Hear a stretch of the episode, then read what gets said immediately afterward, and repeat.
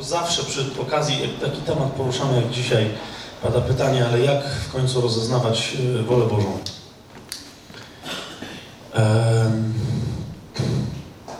Ja zwykle odpowiadałem listem do Filipian, ale to jest nadal dość trudne, dopóki ktoś nie zacznie ufać swojemu sercu. Więc zanim dojdziemy do listu do Filipian, mam dla Was, a propos Jonasza, jeszcze jedną rzecz, bardzo praktyczną, od której warto zacząć. To nie jest rzecz, która ci powie, co jest Twoim powołaniem, i, ale może Cię dosyć szybko, bardzo skutecznie wprowadzić na drogę Twojego powołania. Jeżeli jesteś wierzącą osobą, to, to nie wydaje mi się, e, żebym się musiał pytać, czy chcesz pełnić wolę Bożą. Większość z nas ma problem, co jest wolą Bożą, a nie.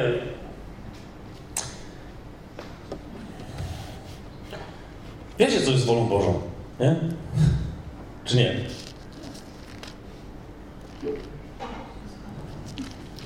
Bo, bo wiecie, że jest w Biblii jedno, poza wszystkimi innymi rzeczami, według mnie kompletnie niedoceniane, jedno zdanie w Biblii, które mówi wyraźnie, co jest wolą Bożą. I my jej nie pełnimy. Ludzie chodzą i się pytają, ale co jest wolą Bożą? Zobaczysz. Pierwszy do Tesaloniczan.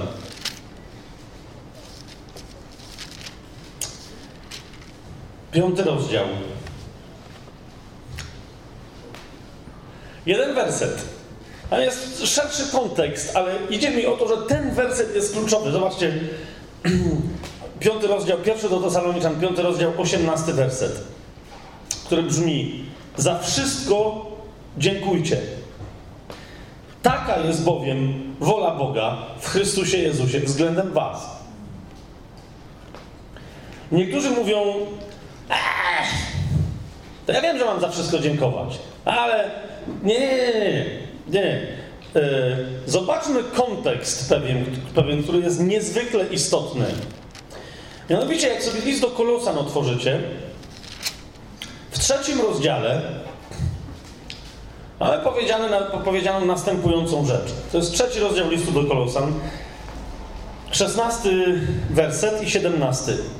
Jest tam powiedziane: Słowo Chrystusa niech mieszka w Was obficie, z wszelką mądrością. Nauczajcie i napominajcie się wzajemnie przez psalmy, hymny i pieśni duchowe, z wdzięcznością śpiewając w Waszych sercach Panu. I pada siedemnasty werset, uważajcie na to. A wszystko, co czynicie, w słowie lub w uczynku, wszystko czyńcie w imię Pana Jezusa, dziękując Bogu i Ojcu przez Niego. Co to znaczy pełnić wolę Bożą? Nawet jeżeli nie jest to doskonałe pełnienie woli Bożej, o tym kiedy indziej możemy sobie porozmawiać, ale co znaczy pełnić wolę Bożą? To znaczy robić coś w słowie lub w uczynku przez imię Jezusa Chrystusa w taki sposób, że możesz z całą pewnością, czystym sercem podziękować Bogu za to, co właśnie robisz albo co właśnie mówisz. Czy jest to jasne, co teraz powiedziałem? Spotykają się dwie nabożne panie przed nabożeństwem. Już mają wejść. I jedna do drugiej mówi: Poziom. Zanim zaczniesz mówić, tu nie ma takich pań, żeby nie było, już się z wszystkimi poznaliśmy, to zupełnie nie to towarzystwo. Więc mówię nie tu do nikogo, tylko do takiej hipotetycznej pani.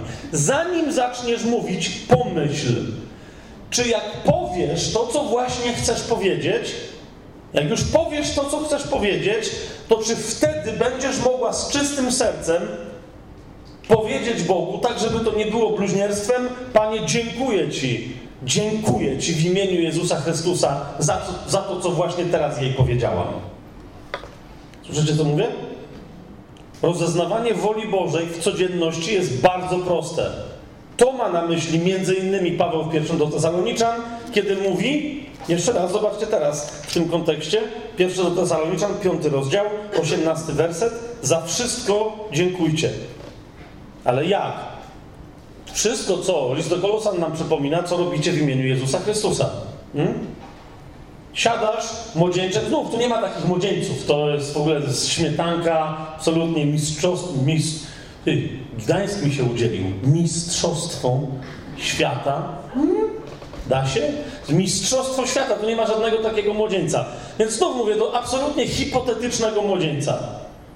Siadasz do internetu, co innego miałeś robić, ale kolejny road rage z Rosji się pojawił. Wiadomo, Rosja stan umysłu, warto sprawdzić, czy się ten stan nie zmienił. Zaczynasz oglądać ten filmik. Pomyśl sobie, jak włączysz następny filmik na YouTubie, który widzisz wyraźnie, że trwa 16 minut. Czy jak go skończysz oglądać, zanim zaczniesz się zapytaj, czy możesz powiedzieć w imię Jezusa Chrystusa i sobie włączysz ten film. I czy jak skończysz ten film, czy będziesz mógł powiedzieć dzięki Ci Panie, dzięki Ci, że dałeś mi do oglądnięcia ten cudowny film, ależ urosłem, a dzięki Ci. Rzecz jest proste. Od tego się zaczyna pełnienie woli Bożej. Przyjrzyj się swojemu dniowi. Hmm? Jak się kończy. Niektórzy mówią, że dobrze jest skończyć dzień dziękczynieniem, ależ halleluja! Po czym jak próbują skończyć dzień dziękczynieniem, to rozumiecie? 3, 4, 5 dni kończy się rutyną, a ponieważ coś jest rutyną, to się w ogóle kończy. Dlaczego? O, ktoś mi mówi, że no, przyłapałem się, że, że, wieczorem się kładę spać i mówię, no dzięki Ci Boże, że był dzień, yy, było śniadanie, lunch i kolacja i tak dalej, i tak dalej. To, co tak czy siak no, było, co miało być. Jeszcze raz, jak nie masz za co podziękować w ciągu dnia, pytanie brzmi, to co ty robisz? Co robisz? Rozumiesz, jeżeli gdzieś bierzesz imię Boże nadaremno, to jest właśnie kiedy mówisz w imię Jezusa i potem nic nie robisz, za co można byłoby podziękować. To o to chodzi. Po prostu. Prościutka rzecz. Ludzie mówią, no ale czasem, wiesz co, no czasem jest modlitwa i co mam, dziękować za to, że dziękuję? Bo na modlitwie bym za coś podziękował. Ktoś, mi, ktoś mnie zapytał, czy może być dziękczynienie y, za to, że się dziękczyni. No to jest trochę bez sensu. Biblia mówi o tym, że istnieją trzy przyczyny, powody, może w ten sposób bym powiedział, trzy, jak to nazwać, rzeczy, istnieją, istniały i będą istnieć wiecznie, które są tak niesamowite i tak wspaniałe, że zawsze, nawet, zobaczcie, jakby wszystko inne zniknęło, te rzeczy nie znikną, one są wieczne i zawsze będziemy mogli za nie dziękować. Otwórzcie sobie Księgę Psalmów. Kto jeszcze ma tam Biblię w ręce? Zobaczcie razem ze mną. Jest jeden taki psalm, nie, nie jeden, ale jeden z psalmów, które mówią o dziękczynieniu. I on podaje, yy, mówi, zawsze możecie dziękować. I nawet jak w danym momencie w Twoim życiu wydaje Ci się, że naprawdę już nie masz za co dziękować, to nadal masz za co dziękować. Dziękowanie nie wynika z Twojego stanu emocjonalnego, bo Ojciec jest duchem i chce mieć czcicieli jakich? W duchu i w prawdzie, a nie w akurat dobrym stanie emocjonalnym. Prawda, niezależnie od tego, jak się w danym momencie czujesz, jest taka, że możesz zacząć dziękować. Jak zaczniesz dziękować, otwierasz się na radość, która nie zależy od Twoich okoliczności zewnętrznych. Jak się zaczniesz cieszyć, to Bóg zacznie spełniać wszystkie pragnienia Twojego serca. Nie odwrotnie, ale o tym za chwilę. Otóż psalm setny, psalm numer 100, mówi radośnie, wykrzykujcie Panu, wszystkie ziemie, służcie Panu z weselem i tak dalej. Czwarty werset tego psalmu mówi, wejdźcie w Jego bramy z dziękczynieniem. Dlaczego to wszystko? Bo piąty werset mówi, istnieją trzy wieczne powody, dla których po prostu mamy podstawę, żeby Bogu dziękować. Po pierwsze, bowiem Jahwe jest dobry. Po drugie, jego miłosierdzie trwa na wieki. Po trzecie, Jego prawda z pokolenia na pokolenie. Czy kiedykolwiek Jahwe, który jest dobry i był dobry, przestanie być dobry? Nie. Aż pierwszy powód, który nigdy się nie wyczerpie, żeby dziękować Bogu, że jest dobry wobec Ciebie. Dwa. Jego miłosierdzie trwa na wieki. Był miłosierny, jest, czy kiedykolwiek przestanie? Nie. Będzie się dzielić z Tobą mocą i miłością swojego łona.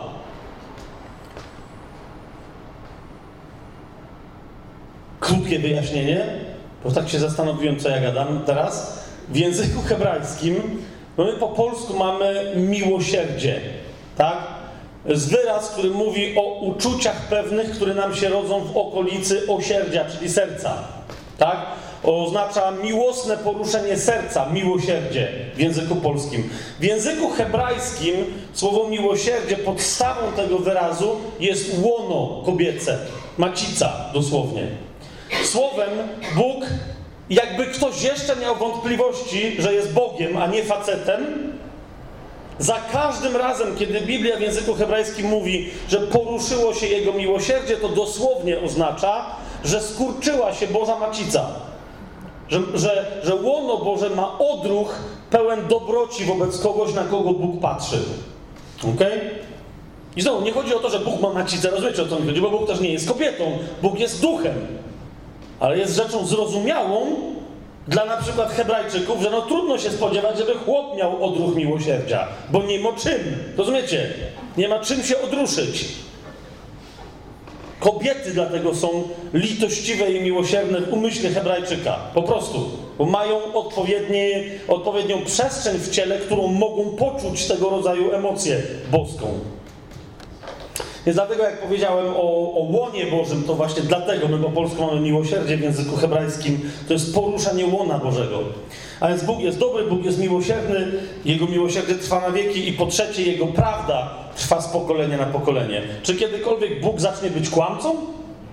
Oczywiście, że nie. Zawsze mówił prawdę, mówi prawdę i będzie mówić prawdę, prawdą i jest tylko i wyłącznie prawdą.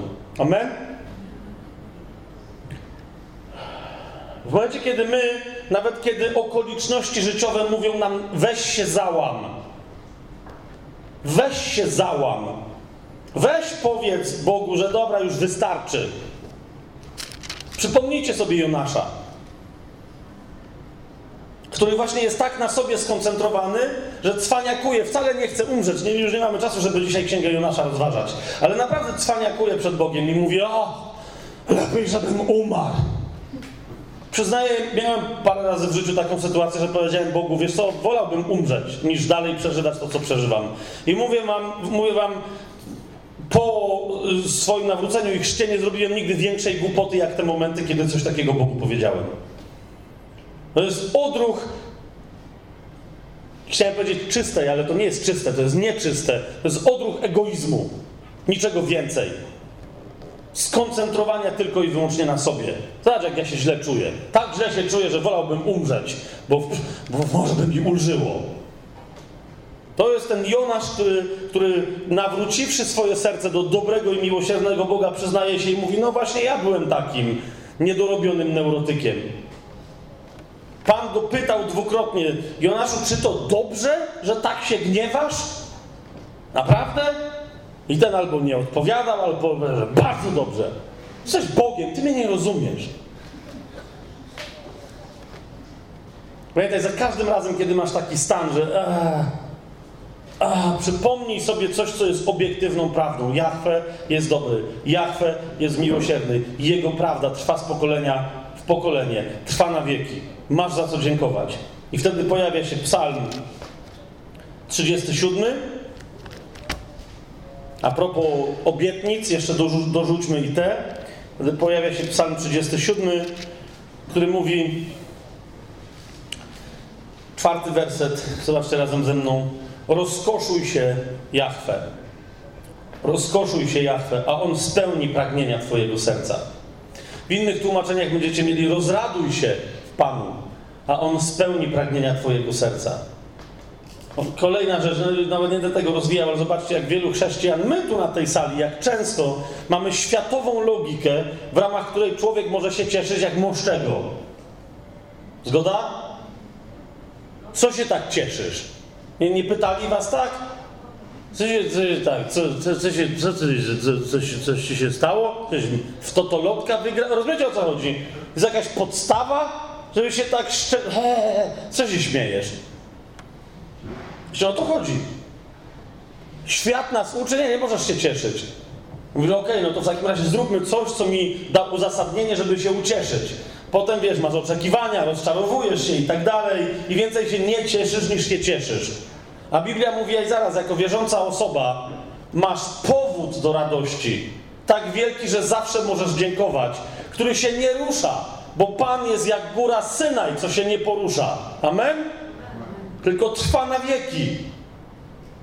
Aż trzy, jest więcej, ale wam podałem trzy wieczne powody, żeby Bogu dziękować i z których się radować możemy. Bo jest wobec mnie dobry.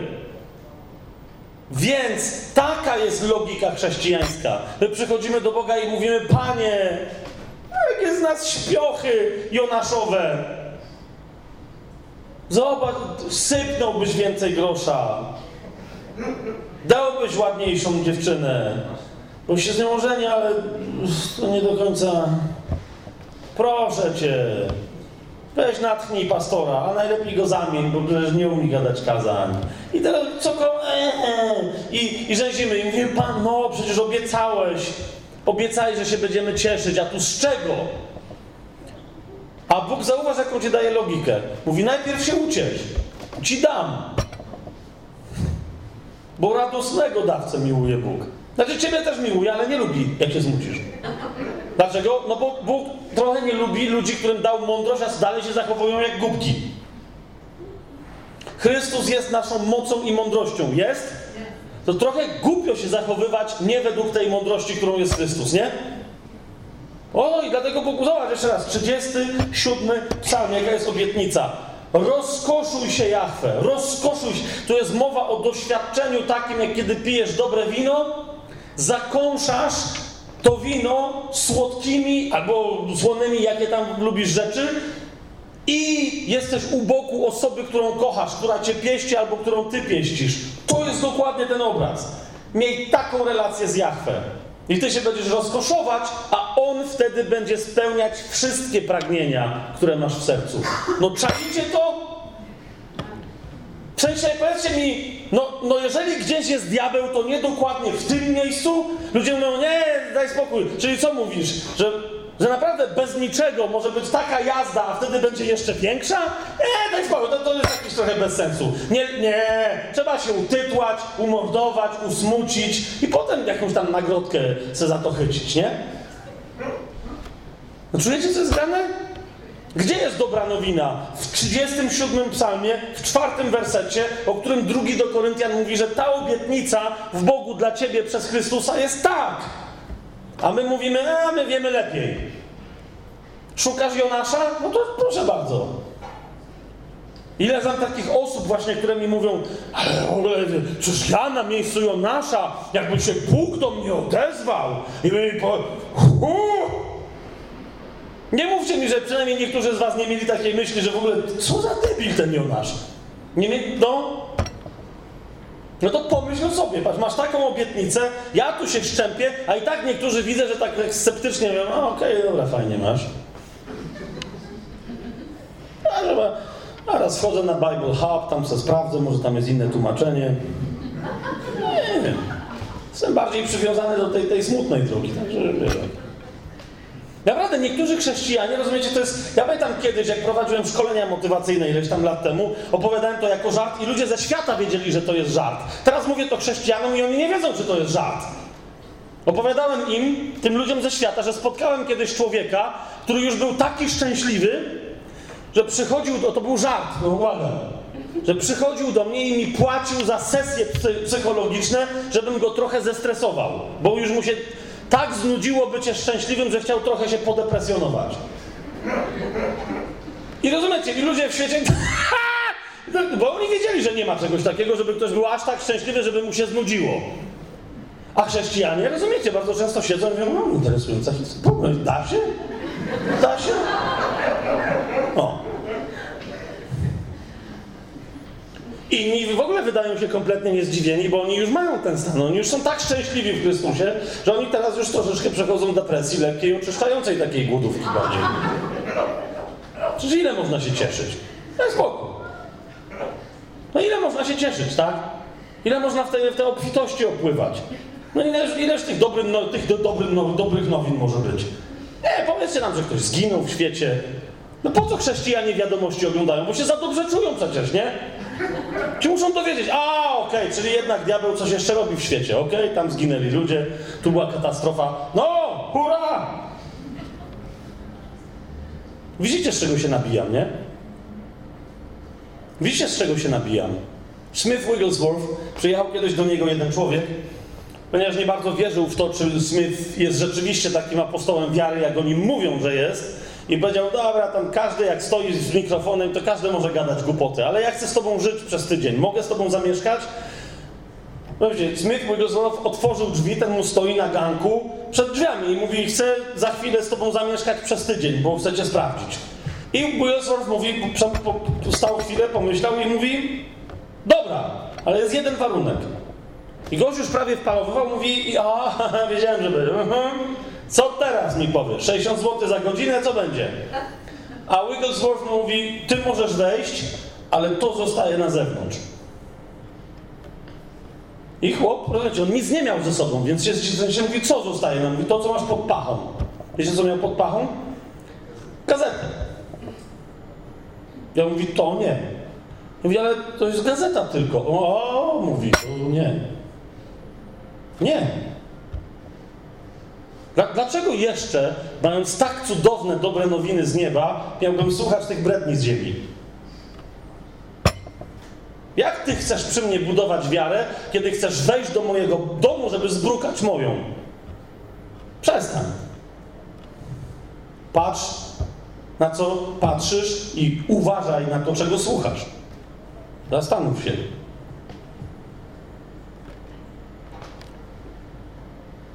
Ufaj Panu i czyń dobrze, a będziesz mieszkać na ziemi i na pewno będziesz nakarmiony. Rozkoszuj się Panem, a On spełni pragnienia Twojego serca. Powiesz Panu swoją drogę i zaufaj Mu, a On wszystko wykona i wyniesie Twoją sprawiedliwość jak światłość, a Twoją prawość jak południe. Siostry i bracia, przestańmy się wreszcie napinać i wysilać. Pozwólmy wreszcie Bogu działać.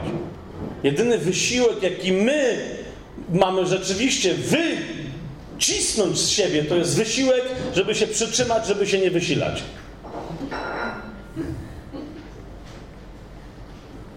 List do Hebrajczyków mówi, i to jest ostatni cytat, który w ramach tej mojej wypowiedzi wrzucam, mam nadzieję. List do Hebrajczyków, czwarty rozdział.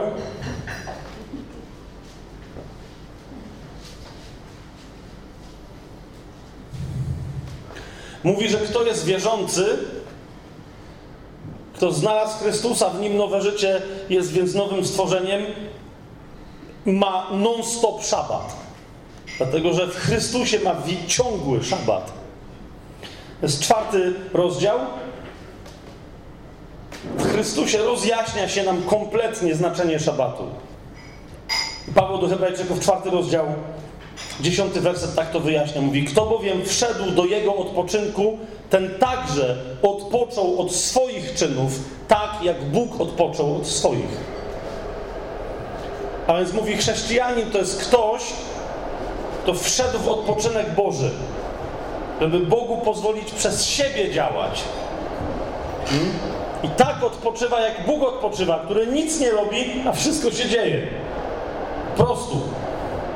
Ale teraz obczajcie to, bo to jest właśnie najlepsze. Wszyscy mówią, no to czy, no to, ale jak się położę i nic nie robię, to jakoś nie widać, żeby się coś działo. Bo widzisz, chodzi o to, że leżysz i nic nie robisz, ale ty dalej coś robisz. Chodzi o to, żeby tak nic nie robić, żeby się zaczęło dziać. No, zobaczcie, jaki jest następny werset. Kto bowiem wszedł do jego odpoczynku, ten odpoczął od swoich czynów, tak jak Bóg odpoczął od swoich. I Paweł mówi, a zatem starajmy się więc wejść do owego, do owego odpoczynku, aby nikt nie wpadł w ten sam przykład niewiary, o którym Paweł mówi wcześniej. Co to oznacza? Twoja wiara ma być skoncentrowana na tym, aby mieć przede wszystkim relację z Panem. Twoja wiara ma być skoncentrowana na tym, aby przede wszystkim być w relacji czci wobec Ojca przez Chrystusa w Duchu Świętym. i utrzymywać się w tej relacji, w tej czci i w tej miłości, a wówczas On przez Ciebie będzie mógł działać, Twój wysiłek będzie wyglądać jak odpoczynek i tak też będzie go czuć. Będziesz sobie myśleć, co się dzieje? Ale naprawdę, ale co się dzieje? Ale, ale, ale serio mówię, dlaczego? Ja pamiętam nasze wysiłki jako kleryka jezuickiego kiedyś, między innymi tutaj w Gdańsku, w Gdyni, najmniej w Sopocie z jakiegoś powodu, ale to nie wiem. Aha, bo tutaj jest jezuicki dom i w Gdyni też, w Sopocie nie ma, to chyba dlatego. Albo tu, albo tam. Pamiętam, żeśmy czasem latali, ewangelizowali, coś tam robili, próbowali, nawet takie wiecie, cztery prawa życia duchowego, takie protestanckie rzeczy w sumie głosić. I myślałem, kurde, jak ci protestanci, jakie to są szpece. My latamy i nic. Potem, że się coraz więcej protestantów poznawałem i ci mówili, wiesz co, w zasadzie wobec te wasze nic to jest lepsze jak nasze. Myślę, okej, okay, no to my są szpece, ale wtedy takie było, wiecie, tak się nawzajem pocieszaliśmy, w zasadzie to tak jest na szpece, że to szkoda się przyznawać. Potem sobie pomyślałem, dobra, to może trzeba jakieś techniki, jakieś coś, oratorstwo, przemówienia publiczne. Tak się zacząłem w tym specjalizować, że aż innych zacząłem w tym wszystkim szkolić. Dalej nic. Sami wiecie, jak to czasem bywa. I w pewnym momencie, trzy lata temu, Bóg mi powiedział: No to dobra, Fabian, jak już wszystko wiesz, jak się do ludzi gada, jak się nimi manipuluje, co się dzieje, jak się dotyka emocji i tak dalej, to teraz chcę, żebyś zrobił coś kompletnie przeciwnego do tego, czego się nauczyłeś. Czyli co? Czyli siądź se i gadaj. Ale siedź, nie ruszaj się. Kto z was kiedykolwiek mnie widział wcześniej, ja zawsze stałem, latałem, krzyczałem, tam różne się rzeczy działy. No jak było, siedziałem, ale chociaż jako, nie, nie, za stolikiem. Okej, okay, ale to, bo to wymyślałem, nie wiem, może pacynki sobie wezmę. Nie, nie, nie, to chodziło po prostu o studium biblijne. Zaczęło się od półtorej godziny, już są odcinki, co mają 4,5. Mówię, zaraz, ja się na mediach też znam.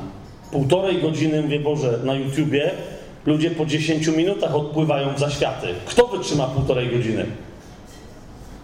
Nagraliśmy w pewnym momencie 4,5 godziny, przeszło paręnaście komentarzy, nie da się dłużej? Znaczy mówię jakiemuś tam gość, ludzie od mediów mówią, ale co ty, chłopie, co ty, co ty gadasz? Sprawdzają nasze statystyki i mówią, ty, to ludzie oglądają. Jak? Co wy tam robicie? Co te efekty specjalne że są? Tam krzywy stół.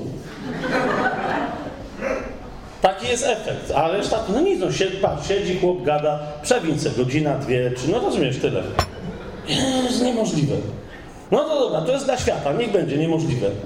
Ale rozumiecie, to nie największe zdziwo moje, nie wiem czy inne, ale moje, jest takie, że czasem na żywo, ale czasem też z tego YouTube'a to jest najbardziej hardkorowy jakiś moment. Bóg mi mówi, teraz będziesz, pamiętam kiedyś w Lublinie, mówi, dzisiaj bardzo chcę, żebyś wyłożył, co to jest przebłagalnia na Arce Pańskiej i jakie to ma znaczenie, że Paweł Chrystusa nazwał przebłagalnią. Pomyślałem sobie, no to jest szał, to jest temat na spotkanie na żywo, jak znalazł. Gadam do, do pamiętam, do, do, do ludzi w Lublinie, gadam o tej przebłagalni, i myślę, nie, ja to źle usłyszałem. No co mi do głowy przebłagalnia przyszła, nie wiem co się dzieje. Rozumiecie? I kończy się pierwsza sesja, na sali jest tam paręnaście osób, ktoś podchodzi i mówi wątpiliśmy w to w ogóle co robisz, bo jesteśmy katolikami, ale człowieku, wszystko się zgadza, chcemy się ochrzcić. Po przebłagalni? Rozumiesz, właśnie o to mi chodzi. To było dla mnie, to było takie, Duch Święty mówi, ty masz robić po prostu wyluzuj się. Przestań się spinać. Rozumiesz? Naprawdę przestań, rób to, co ja ci powiem. Tak o! Ja pamiętam, jak sobie przypomniałem 20 lat temu, pomyślałem, Duchu Święty, jakby to tak było, żebym ja mógł wyjść i tak nawet czasem bez dykcji, tak coś gadać w stylu tak a żeby się ktoś nawrócił, to byłby czat. I Duch Święty mówi, no właśnie, i to proszę bardzo. Ty myślisz, że taki mądry jesteś, z czym gadasz? To ja działam, a ty po prostu rób to, co... Nie, to jest nie, niesamowite. Nagle się okazało, że ludzie przychodzą do Ewangelii słuchając nauczyciela, a nie ewangelisty. Wiecie o co mi chodzi? Ale też znam ewangelistów, którzy jak poszli po rozum do głowy, przestali się ograniczać jakimiś definicjami. Nagle co się okazało? Że niektórych zaczynają słuchać ludzie, nie niewierzący, ale wierzący i mówią, ej, jesteś całkiem mądry jak na ewangelistę. Moja żona to jest geniusz. Błysnęła kiedyś. No jest niez, niezwykle bezpośrednia. I po prostu w Duchu Świętym mówi dokładnie to, co jej Duch Święty na język przyniesie. I, I błysnęła teraz to już w jednej denominacji, to jest w ogóle legendarny cytat, ponieważ spotkała jednego z najmądrzejszych pastorów tej denominacji, ale jak to moja żona nie wiedziała, z kim się spotkała, tylko tak gadają, gadają sobie. I, i, mówi, że no ja jestem nie powiem wam jaki, bo, ale, ale wiecie, to też świadczy genialnie o jego pokorze, tak? On się przedstawił i Madzia popatrzyła na niego i mówi hmm, jak na pastora, to jesteś całkiem mądry. I pastor się uśmiechnął, mówi, no to dziękuję. Chłop najlepiej wykształcony tam, ale nieważne. Swoją drogą bardzo, bardzo, bardzo, bardzo go lubię. Madzia mówi, że od tego momentu się oni też lubią dosyć.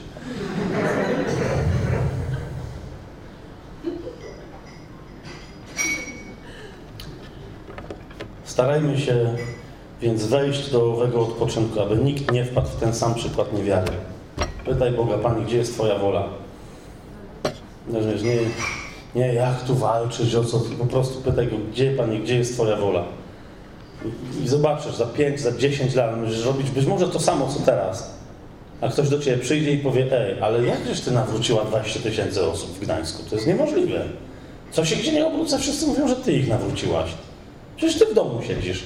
No, ja tu sobie gotuję, przychodzą, karmię ich pączkami, chudną po pączkach. Jest taki cud. Jest taki cud. Nie wiem, czy zauważyliście, ile w Biblii się je chleba białego, miodu, rodzynek i innych czadów i nikt tam nie jest otyły, ty. Z wyjątkiem grzeszników. No i ci widzisz, ci dbają o dietę i tak się to kończy. Także